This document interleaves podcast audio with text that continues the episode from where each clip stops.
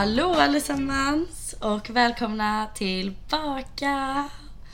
Jag hoppas ni tyckte om förra veckans poddavsnitt för då eh, besökte ju då hälsade ju Sara på här i det här lilla rummet och det var så trevligt. Alltså jag kände verkligen att det var så himla roligt att podda med någon annan. Nu har jag bara testat en gång tidigare att göra det själv och det var jättetrevligt. Jag älskar verkligen att bara sitta och prata så här med er.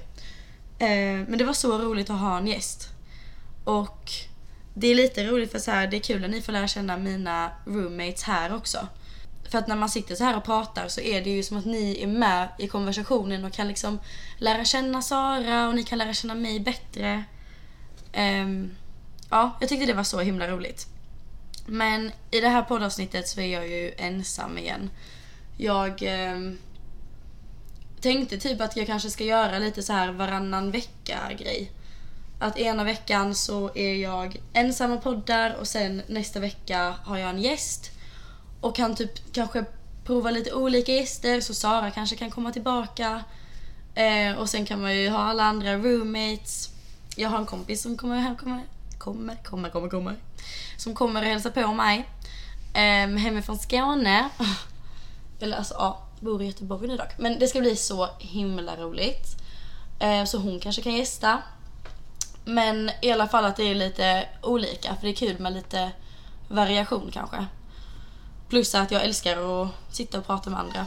Så att få göra det en hel timme känns ju ganska underbart. Men i alla fall. Jag eh, har haft en så stressig dag idag. Eh, i morse så hade vi surflektion, jag och Sara och eh, Linnea, vår andra roommate också. Um, och alltså jag har kommit in i någon dålig vana på senaste att jag snusar jättemycket. Alltså jag brukar inte ha det så att jag liksom... Jag snusar typ i kanske 40 minuter. Ofta. Eh, och så här, har jag någonting som jag verkligen måste gå upp till så är det ju en sak för då går jag ju upp så att jag hinner i tid. Ehm, men när jag liksom inte har någonting planerat utan det bara är en dag med så här självständigt plugg typ. Eh, så sätter jag ändå klockan på tidigt för jag tänker alltid så här, om jag går upp och så kan jag äta lite frukost och gå och träna och sen plugga. Typ så. Men jag kommer liksom inte upp ur sängen.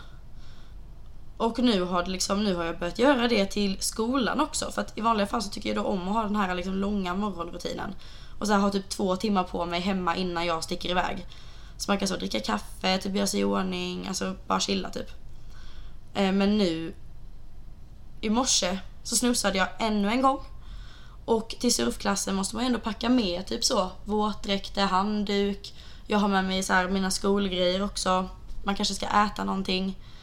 Så man måste ha med sig mat. Så att, ja. Och jag går upp liksom sista minuten och kommer iväg. Så min morgon börjar ju liksom på ett fett stressigt sätt. Springer liksom till bussen. Eh, bussresan var dock väldigt trevlig. Men jag kände mig att jag knappt hade vaknat liksom. Dock en sak som jag gjorde, det var att jag hann faktiskt koka kaffe. Så jag hade med mig kaffe i en liten kopp och det, alltså det gör min dag. För kaffet här är ju liksom pissdyrt, alltså man dricker ju inte kaffe Alltså man kan ju typ inte dricka kaffe varenda dag. För det kostar typ så 70 kronor per kopp. Alltså det är ju inte, det är inte rimligt. Och den här kulturen, typ att man går och köper en kaffe och så dricker man alltid den to go. Det är typ inte heller någonting som man gör så mycket i Sverige. Men här, alltså det går inte att hitta en enda människa ute på gatorna eh, på morgonen som inte har en kopp kaffe i handen. Eller alltså en, eh, ja, kopp. Vad heter det? Ja men en kopp. En kopp kaffe i handen.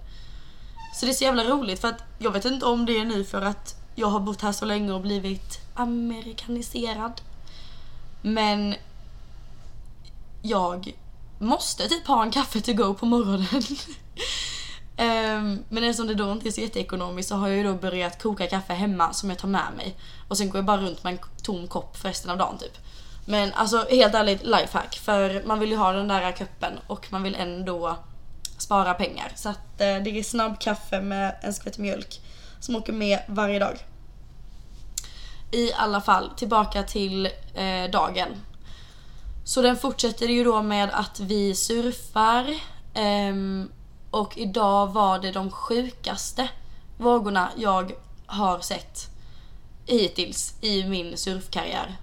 Som bara i och för sig har varit i ett år, men man hinner se mycket på den tiden.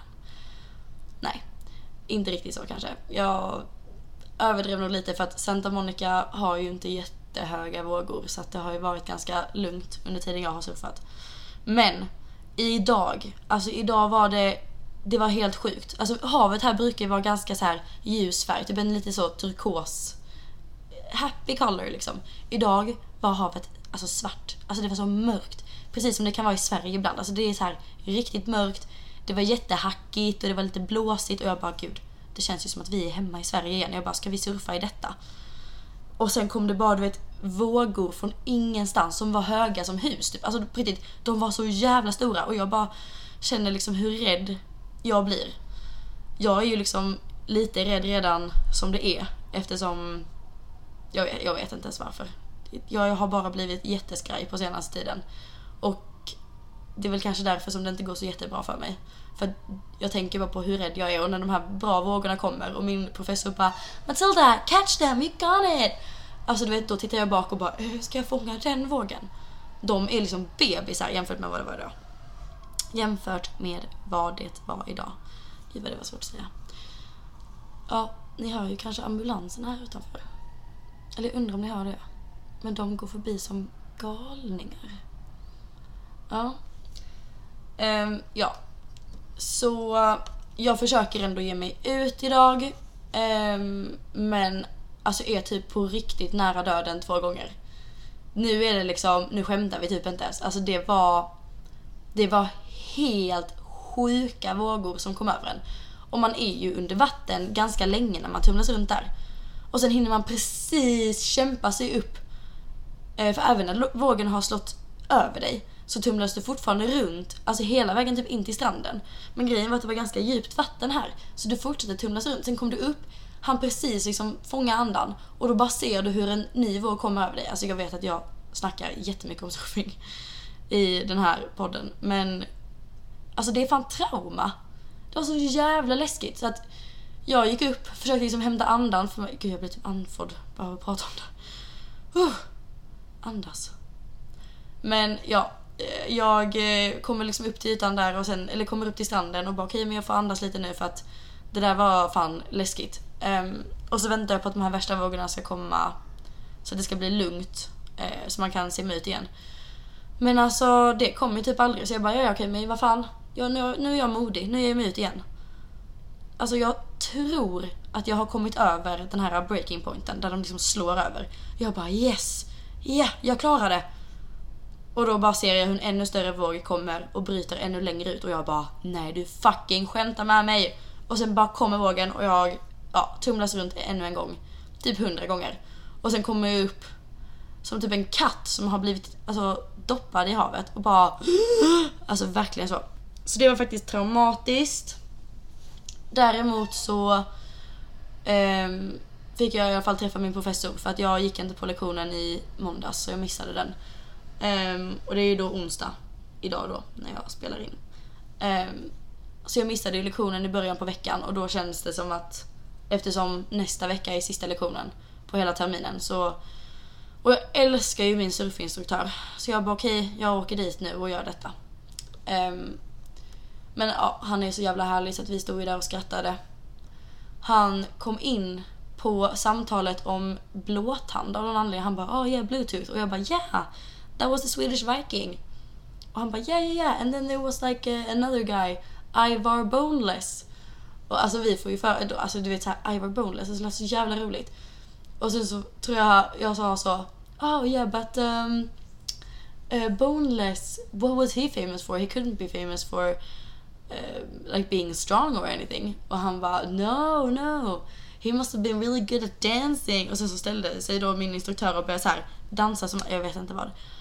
Och det var så roligt. Och sen är det nu på senare, senare nu på kvällen så skickar han en meme med någon som dansade helt galet. Och vi bara i, Ivar, the boneless. Så det var så nice. Förlåt, nu måste jag bara pausa lite här för att nu skriver de i producent Gud vad jag låter viktig nu.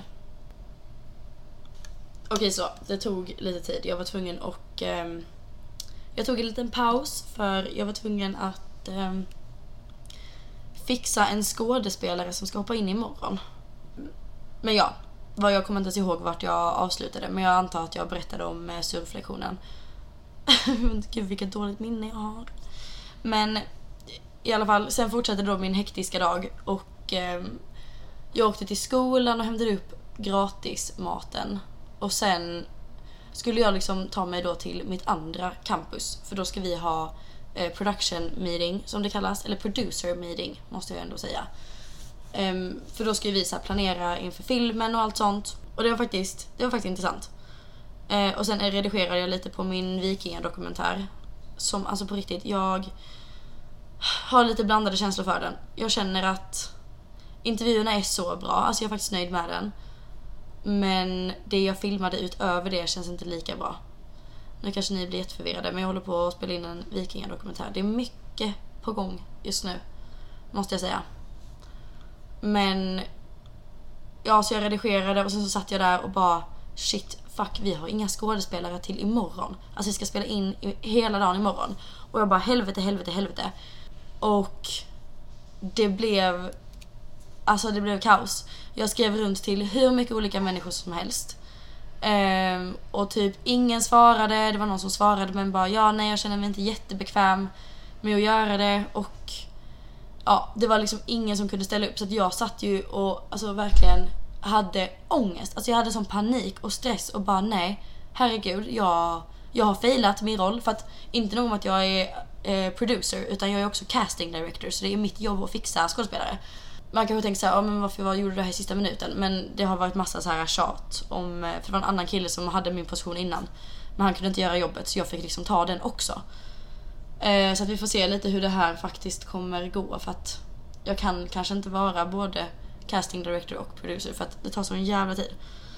Men ja i alla fall, så jag stressar ju sönder och sen kom jag hem eh, nu då och lyckas verkligen lösa allt. Så att nu känner jag verkligen att jag är så, alltså jag är typ så lycklig för att nu känns det bara som att när man har löst ett problem så känns det så jävla skönt och typ som att man kan andas ut. Och ja, så ni hör ju, det har varit en stressig dag. Men det har hänt mycket roliga grejer ändå. Och jag tror att imorgon kommer bli jättekul för då ska vi spela in hela dagen. Och sen på kvällen så tror jag att vi ska... Okej okay, det här... Alltså vi ska på frat parties. Och de är ju lite yngre och inte så roliga att gå på. Men jag har typ inte varit på dem på ett år. Och mina nya roommates känner väl att de hade tyckt det var kul att typ kolla hur det är och jag blir typ lite taggad för att vi bor verkligen så nära. Vi bor med gångavstånd från de här fratsen. Så att imorgon så fort jag är färdig på skolan så är nog planen att vi ska eh, åka hem, göra oss i ordning. Typ ta en liten barrunda här i området där vi bor, i Westwood. För det finns ju väldigt mycket så sportsbarer och typ collegebarer och sånt. Så det ska bli skitkul och sen förhoppningsvis då gå på frat parties. Och det är då planen för imorgon. Så det kommer bli en hektisk dag. Varje dag här är verkligen... Det händer så mycket. Eh, idag... Eller nu ska jag tänka, igår... Vad fan hände igår? Vad var det ens för dag igår? Tisdag. Ja, ah, tisdag. Ja, jag och Sara var typ deprimerade igår tror jag. Eller nej, det var i måndags. I måndags var vi deprimerade. Ja, som ni hör, alltså det händer så himla mycket grejer hela tiden så att man håller ju inte koll på vad, vad, dag, vad man gör om dagarna. Man vet att man gör mycket men man kommer typ aldrig ihåg vad man har gjort. Um, så att det är kul. Men helgen var faktiskt jätterolig. Jag åkte ju ner till, eller jag och mina roommates åkte ner till Laguna Beach. Vi hyrde en bil och så körde vi ner dit Um, och det är en jätte, jätte, jättefin strand nere i Orange County. Som var verkligen supermysig och det var jättefint väder. Um, så det var nice. Och sen efter det så körde mina roommates hem och då släppte de av mig i Newport Beach. För det är där Emily bor. Och då hade vi planerat att vi skulle åka ut med eh, båtarna som hon jobbar med. Och Emily då är ju liksom min också första roommate. Eh, och hon bor kvar här fast hon har flyttat ner till Orange County med sin kille typ. Så att vi åkte ner och hälsade på där. åkte med båten och det var så mysigt och andra kompisar här uppifrån LA hade också kommit ner. Så vi eh, drack lite Aperol Spritz och sen så åkte man bara runt i hamnen för hamnen där är skitstor. Och så kan man typ lägga till båten vid olika ställen och typ gå in på barer och sånt. Och sen efter att vi hade varit där så åkte vi hem till Chris Emily och det var så kul att få se deras hus som de bor i här. Eh, för jag har liksom inte varit där tidigare och de har bott där Alltså, ja det känns som att de har bott där ganska länge nu i alla fall. Så det var ju, det var faktiskt jätteroligt. Um, och sen efter det gick vi ut på kvällen till en bar som låg liksom ganska nära. Jag sov över där och på morgonen dagen efter så blev jag hemskjutsad. Och då var jag så jävla trött. Så det var helt sjukt. Um, kom hem på morgonen och bara nej. För vet du vad jag ska göra? Jag ska gå på ett eh, uh, förintelsemuseum-event typ. Uh, det har ju lite med så filmen som vi håller på att spela in att göra. Uh, för den handlar ju om förintelsen. Så då tänkte vi att men det var en jättebra idé att vi går på museum som har med det att göra för att, ja, ni fattar ju. Det har ju med det att göra så det kan ju liksom hjälpa oss. Men jag var så jäkla trött, eh, klarade mig igenom det och sen frågade då min klasskompis om inte vi ska hem till honom och äta middag, låta honom laga mat. Och det här låter ju säkert jättetrevligt för många och så, men det här är en så konstig historia. Men jag känner typ att jag vill ändå berätta den för att det är jättemärkligt. Eh, och jag vet inte vad andra tycker om, om det här, men jag jag blir frustrerad och arg. Och jag tänker att jag ska förklara det för er nu. Eh, så att ni fattar lite hur jag känner typ. För att den här klasskompisen eh, jobbar med mig på den här kortfilmen som vi håller på att göra i skolan.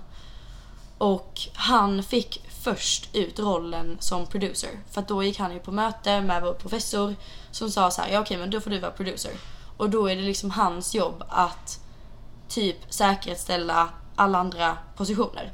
Eh, regissören var ju också redan fastställd av professorn.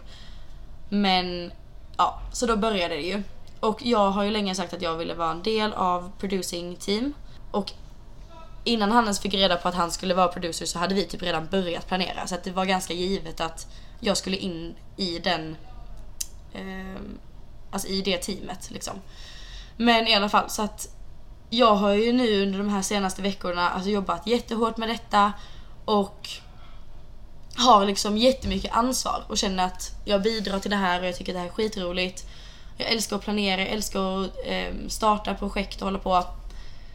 Så nu är vi ju ett producing team på tre personer. Men, alltså det värsta.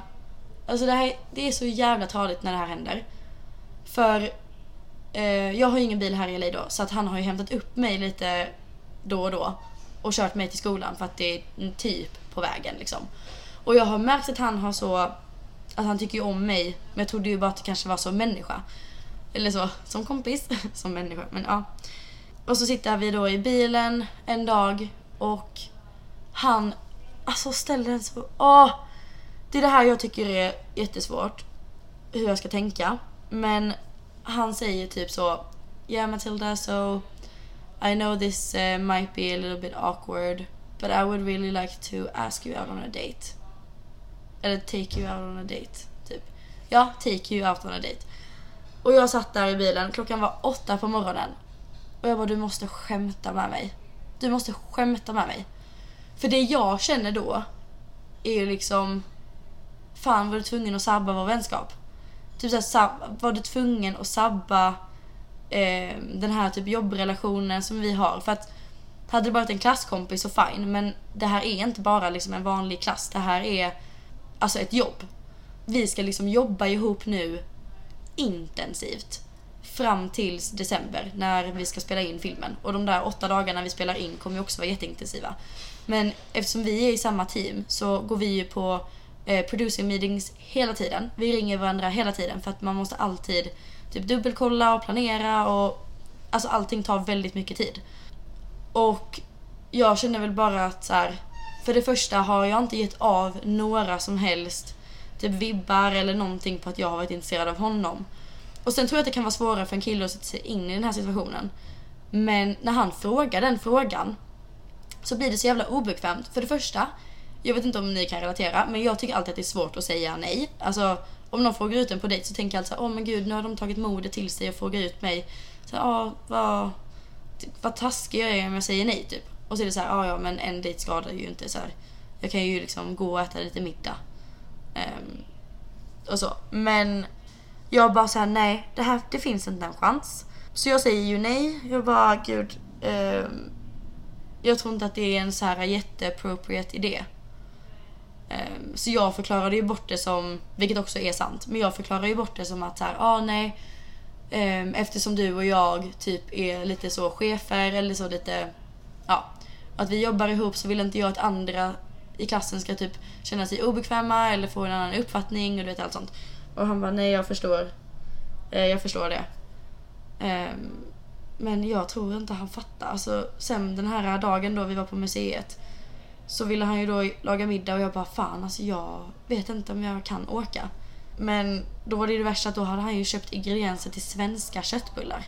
Så han ville ju laga svenska köttbullar. Och jag bara alltså okej, okay, ja nej men han har ju redan köpt ingredienser. Jag kan ju inte säga nej nu.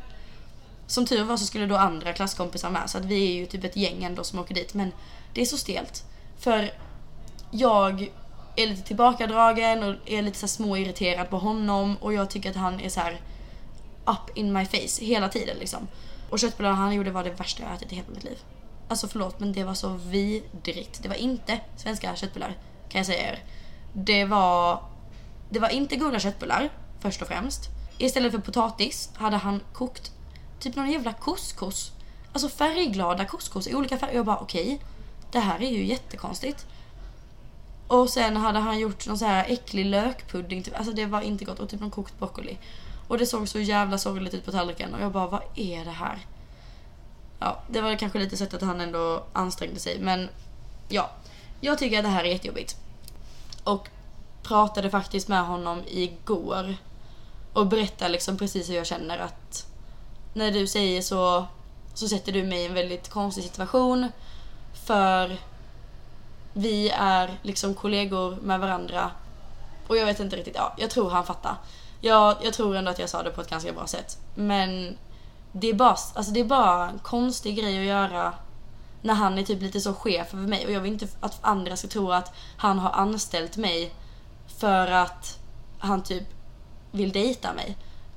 Utan jag vill liksom att det ska vara för att jag har jobbat hårt, för jag har ju faktiskt jobbat så hårt för det här. Ja, nu blev det en jävligt lång utläggning. Men det är jättesvårt. Och det får mig också börja tänka på att den här industrin är så jävla mansdominerad. Och ni vet hur det är så här att ja, men folk eh, gör liksom saker med sina chefer typ för att så här, komma in, typ skådespelare ligger för att komma, eller för att få den här rollen de vill ha. Typ. Ja, man har ju hört om det liksom. Och jag bara okej, okay, Alltså jag vill inte att det ska vara den världen jag lever i. Jag vill inte att killar ska anställa mig eller män. Alltså va? Jag har liksom aldrig fattat att så här, är det en grej på riktigt? Sen så tror jag liksom inte att det är det han menade då för att han sa verkligen så. Han bara gud nej Matilda absolut inte att jag skulle göra någonting sånt. Jag hoppas ingen annan tror det heller. Men du, du, eller så här, du jobbar jättehårt och det är därför du har förtjänat den här rollen typ. Men ja, jag vet inte riktigt. Det blev bara det blir bara konstigt. Och det får ju men en typ så här att känna lite är det här rätt bransch för mig? Nej, jag tror inte. Alltså jag tror det kommer bli jättebra. Men jag tror att också det var bra att jag satte ner foten där och var liksom så här: nej, det här är inte okej. Okay. Jag vill inte liksom att du ska göra så här för jag blir väldigt obekväm. Och jag vill liksom inte ha någon relation på det sättet med folk som jag jobbar med. Och jag känner typ att det förstörde lite vår professionella relation. Men ja, jag träffade honom idag på mötet och allting var superbra och jag tror han fattade min hint. Eh, så han betedde sig faktiskt helt som vanligt och det var verkligen bara professionellt. Eh, så det känns ju ändå bra. Men utöver den här situationen som då har varit på jobb eller på skolan eh, så känns det ändå så rätt det jag gör. Eh, det känns ju verkligen som att skolan är ett jobb. Alltså det är ju min arbetsplats, det är där jag, jag jobbar, jag tar typ med jobbet hem hela tiden. Eh, och vi liksom bokar möten och det är verkligen en enda kurs, den här filmkursen då, är ju liksom ett heltidsjobb. Ehm, men det är så jävla roligt. Jag hade aldrig trott att jag skulle tycka att det var så kul att producera. Ehm, för jag är ju väldigt kreativ och har alltid trott att liksom jag ska göra någonting som är mer kreativt. Ehm, men nu när jag fick chansen att göra detta så kände jag att men det kanske är kul att testa på någonting som är lite mera att planera och logistik, eh, lära sig lite mer om budget och hela businessen bakom att göra en film. För det är det man egentligen gör som producer, det är ju att man får filmen att hända. Regissören har en idé, vi har ett manus, okej okay, jättebra. Nu utvecklar vi detta, nu måste vi hitta eh, locations vart vi ska filma, vi måste fixa kamera, eh, hyrning, vi måste fixa kontrakt till alla, eh, vad ska crewet äta när vi spelar in, vad ska vi ha för kostymer, produktionsdesign, eh, vad hade man för möbler vid det här årtalet. Alltså allting ska ju verkligen eh, gå ihop. Så att jobbet som producer är ju liksom att eh, kolla på klassen vi har, alltså nu är det ju klassen då, men annars är det att man anställer. Men kolla vilka man har, vilka passar i vilken position, skapa teams, vi har production team, vi har kamerateam, eh, costume team, eh, directing team, så att allt det där ska man ju liksom få ihop. Och sen börjar man ju med möten och man börjar liksom kolla så att varje team gör det de ska. Man börjar fixa, leta eh, locations, man börjar liksom jobba och allt logistik. Och sen på det har jag ju då fått casting på mig också. Vilket är skitroligt för att då får man ju ha lite kontakt med skådespelarna, man får ju lite, lite mer ansvar. Så att det känns faktiskt, det känns väldigt rätt och det känns väldigt kul. Och jag lär mig så mycket och utvecklas jättemycket. Um, typ tidigare har jag ju känt att engelskan har varit lite en barriär. Men nu, jag kan ju sitta och hålla i möten på engelska. Jag skriver liksom professionella e-mails till eh, andra producers och andra i branschen och till costume department, alltså allting liksom. Så att det här har verkligen varit så lärorikt. Eh, och det har bara gått typ en och en halv månad. Eller ja, det här har egentligen varit hela min utbildning som har lett upp till det här. Men det känns ju lite som att det här är typ the final test och att det är nu jag får testa lite vad jag går för och eh, maxa ut den sista terminen jag har. För det är ju faktiskt så att till vintern tar jag ju examen kan man säga, fast det är bara ett certifikat. Fast det har tagit mig två år. Och faktiskt igår, tror jag det var, så hade jag möte med en counselor på skolan och satt i typ en och en halv timme och skrev ihop hela min ansökan om att få göra OPT. Och jag har ju redan förklarat det tidigare att det är ju att jag ska jobba. Ehm, så nu är liksom den processen igång och det var ju en liten avgift där man fick betala men eh, det ska nog lösa sig så fort jag får ett jobb så kan jag i alla fall kanske förhoppningsvis tjäna lite pengar. Jag har ju sagt det att det är lite stress nu att försöka hitta ett jobb men jag har ändå väldigt mycket hopp för jag har mycket människor runt omkring mig som jag vet vill hjälpa mig och om jag inte hittar något jobb så har jag eh, nu kontakter som har sagt att de kan skriva att jag jobbar för dem på det här typ produktionsbolaget. Och sen får jag väl kanske bara hitta någonting annat då under bokat. Nej, det får jag inte säga. Men, och det sa jag inte. Men jag får ju liksom, jag måste ju hitta någonting. Men det är i alla fall bra att jag kan jobba i värsta fall gratis min första tid så att jag i alla fall har någonting och kan säga till regeringen så kolla jag jobbar så att jag kan stanna och sen kan man ju alltid byta jobb. Så att i december så fort jag har tagit studenten typ, säger man väl, så är det ju dags för mig att bara du vet söka jobb, alltså verkligen i varenda liten vrå som finns. Och de har ju tyvärr redan nu börjat skicka ut internships för nästa semester, eller nästa termin. Så under tiden jag håller på med den här filmgrejen så måste jag ju hinna tänka på liksom mitt liv också. Att jag måste stanna här.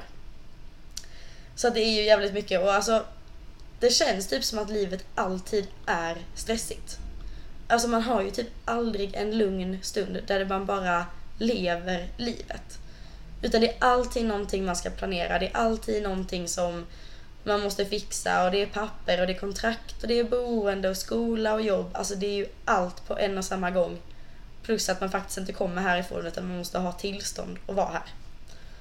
Men jag tror typ ändå att alla kan känna igen sig i det att det alltid är någonting som händer. Och jag tror att så här, den här stressen också. Den, jag känner inte den så mycket nu när man har mycket att göra. Men den kommer ju liksom lite då och då och knackar på dörren och är så, vad vill du med livet? Och alltså jag tänker ju väldigt mycket på det.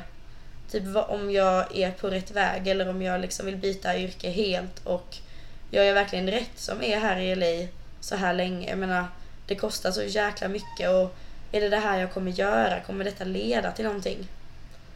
Eh, nu tror jag ändå att det kommer göra det men jag har väldigt ofta ändå de tankarna. Sen som tur är så har vi ju ett jävligt långt liv vi ska leva. Alltså man kommer ju verkligen kunna byta yrken precis när som helst. Så att även fast jag har den stressen har jag ändå en känsla av att man får verkligen ändra sig och livet tar inte slut bara för att man typ skaffar ett jobb. Ehm, eller så här, att man har valt en karriär så behöver inte det betyda att det är det du måste göra för resten av livet. Ehm, jag har ju liksom mina föräldrar lite. Mamma och pappa, hej. Nej jag skojar. Eh, nej men jag har ju lite de som jag ser upp till. För mamma har ju jobbat med lite olika grejer. Jag kommer inte riktigt ihåg allt eller så. Men hon jobbade ju för pappa ett tag på hans reklambyrå. Och sen typ i 40-årsåldern bestämde hon helt för att så här, nej nu ska jag säga upp mig. Eh, nu ska jag starta eget. Och det är så här, jaha vad ska du hitta på för någonting? Då vill hon åka till Indien och eh, designa kuddar och lakan och sånt med tyger därifrån som hon sen eh, tillverkar typ där. Och sen chippas till Sverige och startar hemsida och allt det här och börjar sälja typ. Och det är så jävla häftigt för att det satte lite spåret i att våga göra någonting annat. Och sen kunde hon inte 100% eh, leva på den inkomsten för det var ju typ bara utgifter i början såklart. Och då började hon ju på det här trädgårdsföretaget typ. Och började liksom bara jobba i trädgårdar. Och sen slutade det med att hon tar över det här företaget. Och nu ritar hon trädgårdar. Och det är väldigt häftigt för att här, nu säger hon ju att hennes dröm ända sedan hon var liten var att vara trädgårdsarkitekt. Men då behövde man ju läsa sig natur och ni vet allt sånt. Och det blev bara aldrig det. Men nu på något sätt har hon ändå hamnat upp där. Och det tycker jag är så häftigt för är det liksom, är det ödet? Alltså var det meningen att hon skulle göra det? Um, eller så här, så häftigt att man bara vågar byta yrke. Att det spelar ingen roll hur gammal man är, att man kan alltid välja att göra någonting annat om man inte trivs med det man gör. Och pappa har inspirerat mig jättemycket för det här med att, att ens liv ska ta slut, att man inte kan resa mer när man har barn och familj och jobb och massa skyldigheter.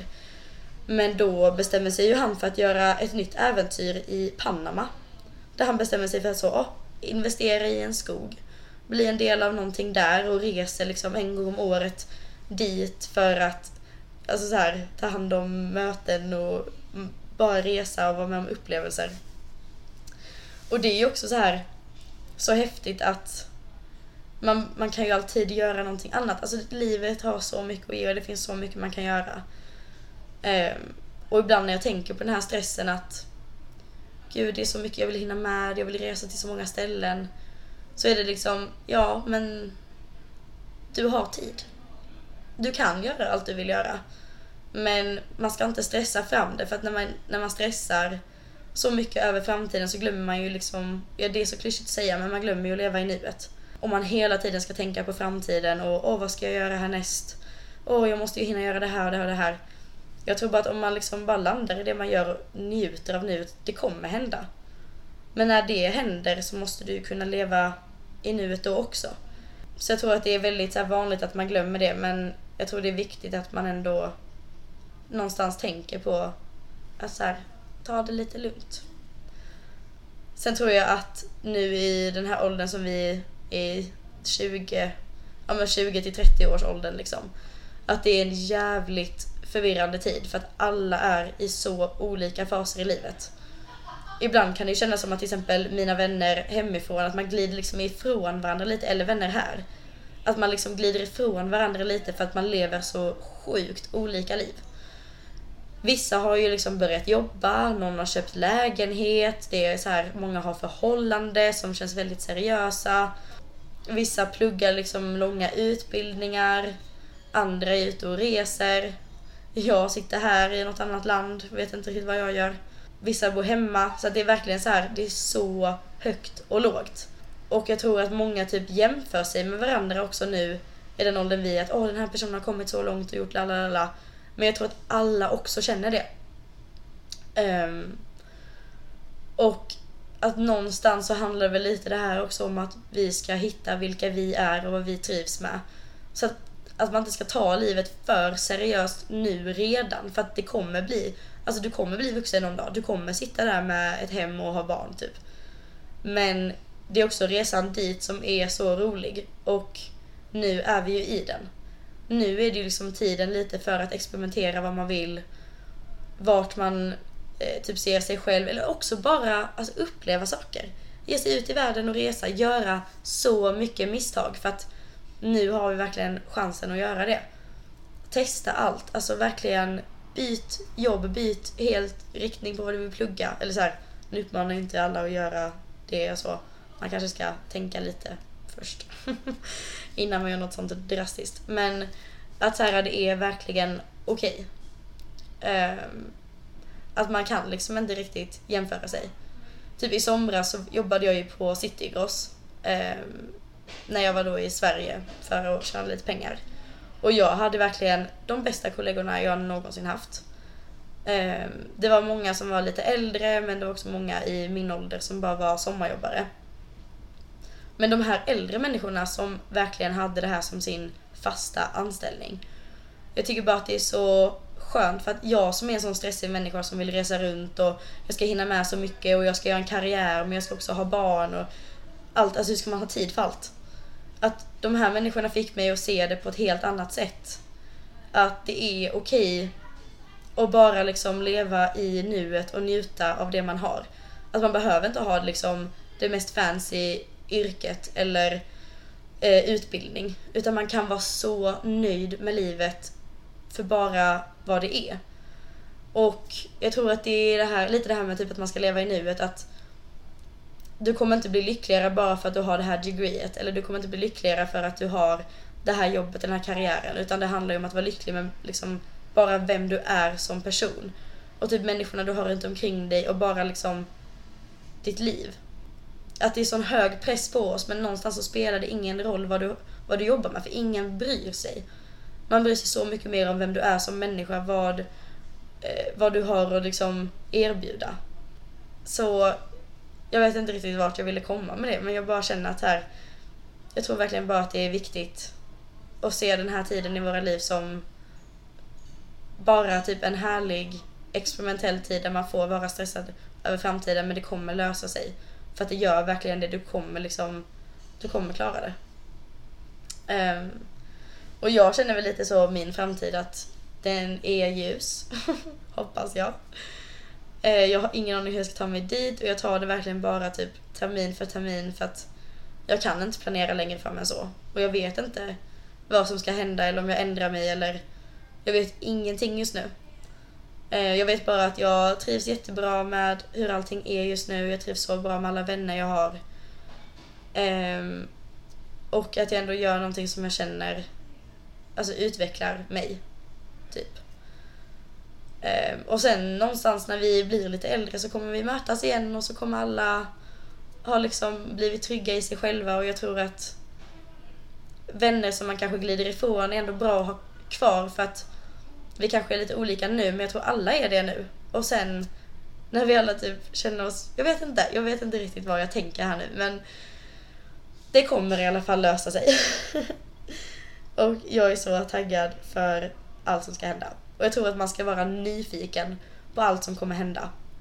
Eh, alltså fråga människor om deras liv, hör på andra människors historier för att det är så spännande för alla har verkligen sina egna resor och det är därför det inte heller går att jämföra sig. För alla har så olika vägar.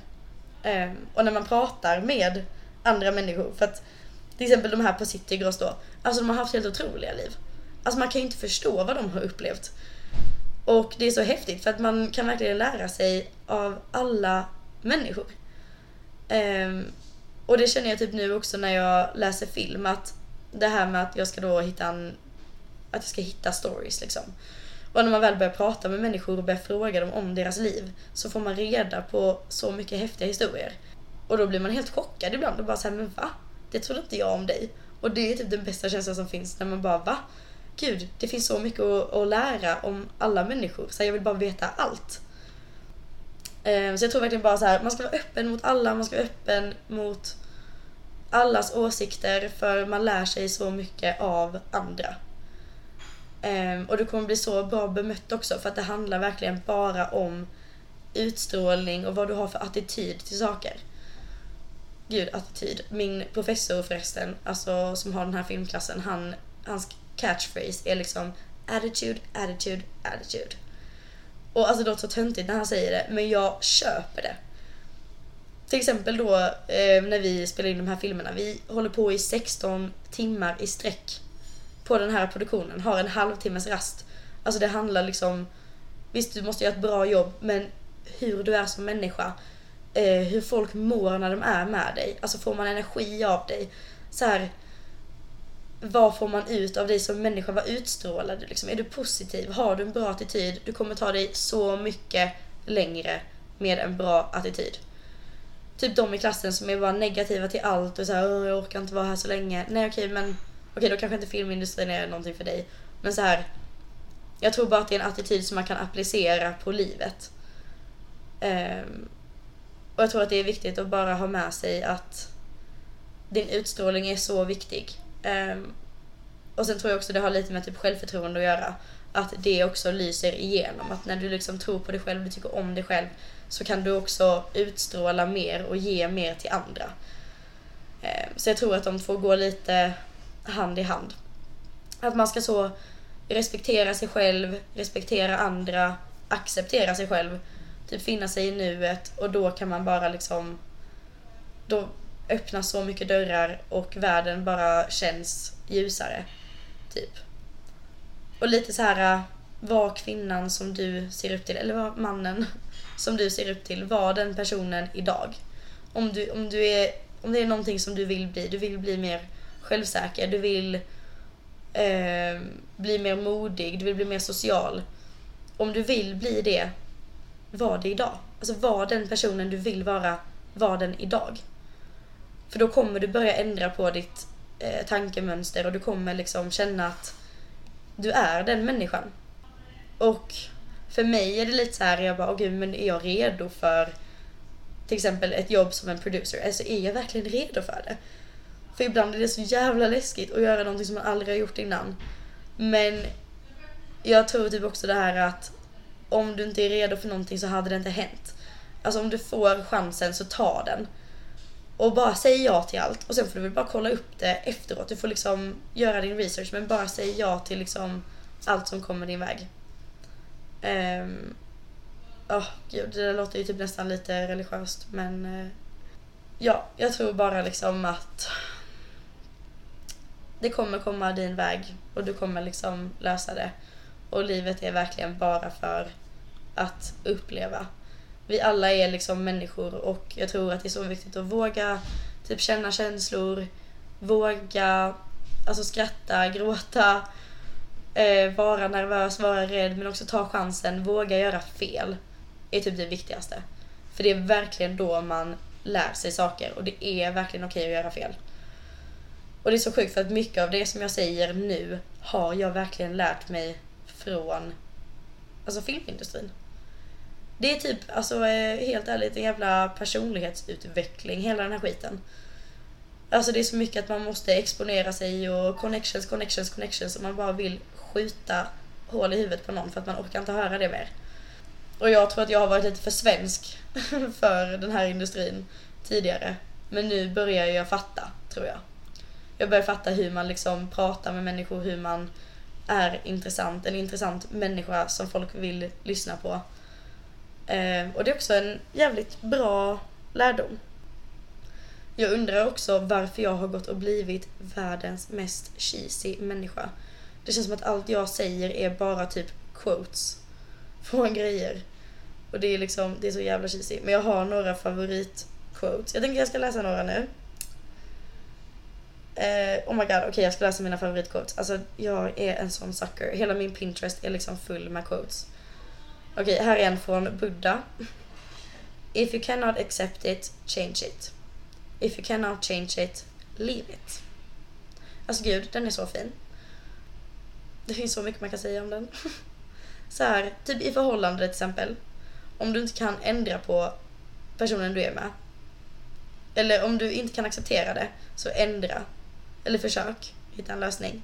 Och kan du inte ändra, så lämna. Det är liksom verkligen så simpelt. Buddha är verkligen min, alltså här har han till. In the end, only three things matter. How much you loved, how gently you lived, and how gratefully you let go of things not meant for you. Gud. Det handlar också om att leva livet. Och den här uh, be human to the fullest. Make your own money and marry someone funny. Ja, jag vet inte varför jag har blivit en sån jävla hippie den senaste tiden. Men ja, coach har blivit min lilla så side hobby. Kanske för att överleva det stressiga livet. Men ja, där sitter jag och reflekterar på kvällarna och scrollar i mitt Pinterest-flöde. Men i alla fall, med det sagt, jag eh, avslutar podden nu och det var så roligt att ni ville lyssna på det här avsnittet. Jag vet typ inte ens vad fan jag har pratat om, alltså det har varit så högt och lågt. Eh, mycket film kändes det som. Men jag hoppas att ni tyckte det var mysigt att lyssna. Eh, och vi ses i nästa poddavsnitt där jag förhoppningsvis har med en gäst denna gången. Eh, så ni får ha det så jättebra fram tills dess. Och eh, massa pussar och kramar. Lev i nuet. Hashtag peace out. Love your life. Bye!